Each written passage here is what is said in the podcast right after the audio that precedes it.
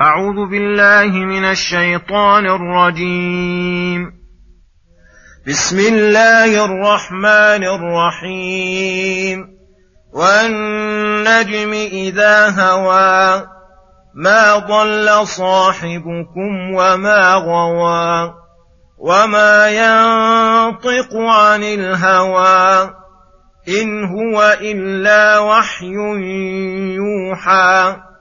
علمه شديد القوى ذو مره فاستوى وهو بالافق الاعلى ثم دنا فتدلى فكان قاب قوسين أو ادنى فاوحى إلى عبده ما اوحى ما كذب الفؤاد ما رأى أفتمارونه على ما يرى؟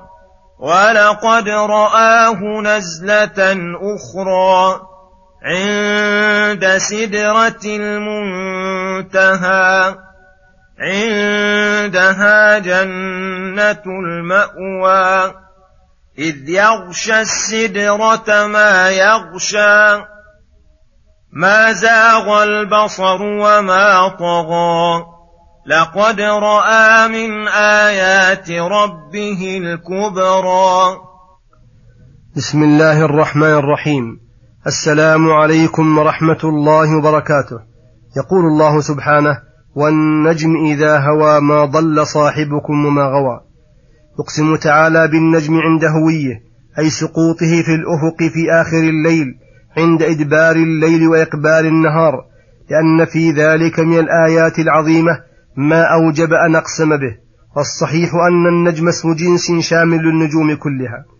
وأقسم بالنجوم على صحة ما جاء به الرسول صلى الله عليه وسلم من الوحي الإلهي لأن في ذلك مناسبة عجيبة إن الله تعالى جعل النجوم زينة للسماء فكذلك الوحي وآثاره زينة للأرض فلولا العلم الموروث عن الأنبياء لكان الناس في ظلمة أشد من ظلمة الليل البهيم. والمقسم عليه تنزيه الرسول عن الضلال في علمه والغي في قصده. ويلزم من ذلك أن يكون مهتديا في علمه هاديا حسن القصد ناصحا للخلق. وبعكس ما عليه أهل الضلال من فساد العلم وسوء القصد. وقال صاحبكم لينبههم على ما يعرفونه منه من الصدق والهداية وأنه لا يخفى عليهم أمره. وما ينطق عن الهوى أي ليس نطقه صادرا عن هوى نفسه إن هو إلا وحي يوحى. أي لا يتبع إلا ما أوحي إليه من الهدى والتقوى في نفسه وفي غيره. ودل هذا على أن السنة وحي من الله لرسوله صلى الله عليه وسلم. كما قال تعالى وأنزل الله عليك الكتاب والحكمة وأنه معصوم فيما يخبر به عن الله تعالى وعن شرعه لأن كلامه لا يصدر عن هوى. إنما يصدر عن وحي يوحى. ثم ذكر المعلم الرسول وهو جبريل عليه السلام أفضل الملائكة الكرام وأقواهم وأكملهم فقال علمه شديد القوى. أي نزل بالوحي عن الرسول صلى الله عليه وسلم جبريل عليه السلام شديد القوى الظاهرة والباطنة قوي على تنفيذ ما أمره الله بتنفيذه قوي على إيصال الوحي إلى الرسول صلى الله عليه وسلم ومنعه من اختلاس الشياطين له. أو إدخالهم فيه ما ليس منه وهذا من حفظ الله لوحيه أن أرسله مع هذا الرسول القوي الأمين ذو مرة أي قوة وخلق حسن وجمال ظاهر وباطن. فاستوى جبريل عليه السلام وهو بالأفق الأعلى أي أفق السماء الذي هو أعلى من أرض فهو من أرواح العلوية التي لا تنالها الشياطين ولا يتمكنون من الوصول إليها. ثم دنا جبريل من النبي صلى الله عليه وسلم لإيصال الوحي إليه فتدلى عليه من أفق الأعلى فكان في قربه منه قاب قوسين أي قدر قوسين والقوس معروف أو أدنى أي أقرب من قوسين. وهذا يدل على كمال مباشرة الرسول صلى الله عليه وسلم بالرسالة وأنه لا واسطة بينه وبين جبريل عليه السلام. فأوحى الله بواسطة جبريل عليه السلام إلى عبده ما أوحى أي الذي أوحاه إليه من الشرع العظيم. والنبأ المستقيم ما كذب الفؤاد ما رأى اتفق فؤاد الرسول صلى الله عليه وسلم ورؤيته على الوحي الذي أوحاه الله إليه وتواطأ عليه سمعه وبصره وقلبه. وهذا دليل على كمال الوحي الذي أوحاه الله إليه وأنه تلقاه منه تلقيا لا شك فيه ولا شبهة ولا ريب.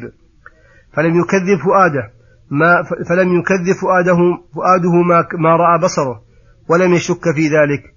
يحتمل أن المراد بذلك ما رأى صلى الله عليه وسلم ليلة أسري به من آيات الله العظيمة وأنه تيقنه حقا بقلبه ورؤيته وهذا هو الصحيح في تأويل الآية الكريمة وقيل المراد بذلك رؤية الرسول صلى الله عليه وسلم لربه ليلة الإسراء وتكليمه إياه وهذا اختيار كثير من العلماء رحمهم الله. فأثبتوا بهذا رؤية الرسول صلى الله عليه وسلم لربه في الدنيا ولكن الصحيح القول الأول وأن مراد به جبريل عليه السلام كما يدل عليه السياق. وأن محمدا صلى الله عليه وسلم رأى جبريل في صورة أصلية التي هو عليها مرتين. مرة في الأفق الأعلى تحت السماء الدنيا كما تقدم المرة الثانية فوق السماء السابعة ليلة أسري برسول الله صلى الله عليه وسلم ولهذا قال ولقد رآه نزلة أخرى. أي رأى محمد جبريل مرة أخرى نازلا إليه عند سدرة المنتهى. وهي شجرة عظيمة جدا فوق السماء السابعة.